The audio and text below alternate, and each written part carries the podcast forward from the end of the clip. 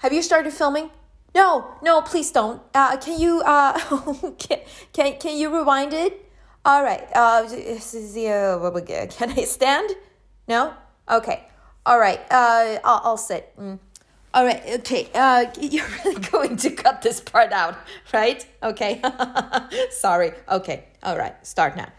Hello, everybody. My name is Alice, and I write untraditional children's stories. I try to write the, with the wisdom, blah, blah, blah, blah, with the. Oh, let's do that again. Okay. Hello, everybody. My name is Alice, and I write untraditional children's stories. I try to write the wisdom of an adult and the honesty of a child. Um, I've written seven books. There is no God, and I can prove it. That's one of them. Um, and waking up early sucks grandma's gonna die soon, but that's okay. Uh, mom and dad lie all the time, and uh, oh god, I'm thinking, oh well, there's there's three more, and I try to teach kids that you know you're probably not going to get everything you want when you grow up, but that's okay because society has brainwashed you into thinking what you want.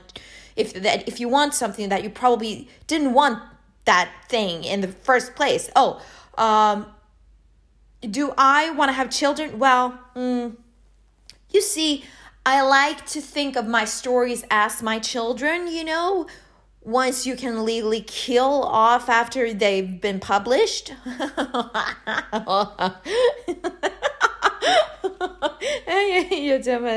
and usually I think before I speak, but lately I've been speaking and then thinking and i'm like oh god alice why the fuck did you just say that? And i'm just like oh my god i'm so sorry. I don't usually swear. Can you please cut that out? Okay thank you.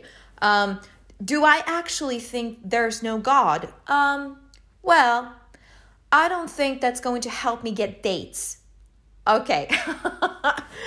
I believe that there is a god. It, it would probably be smart enough to hide its existence from me.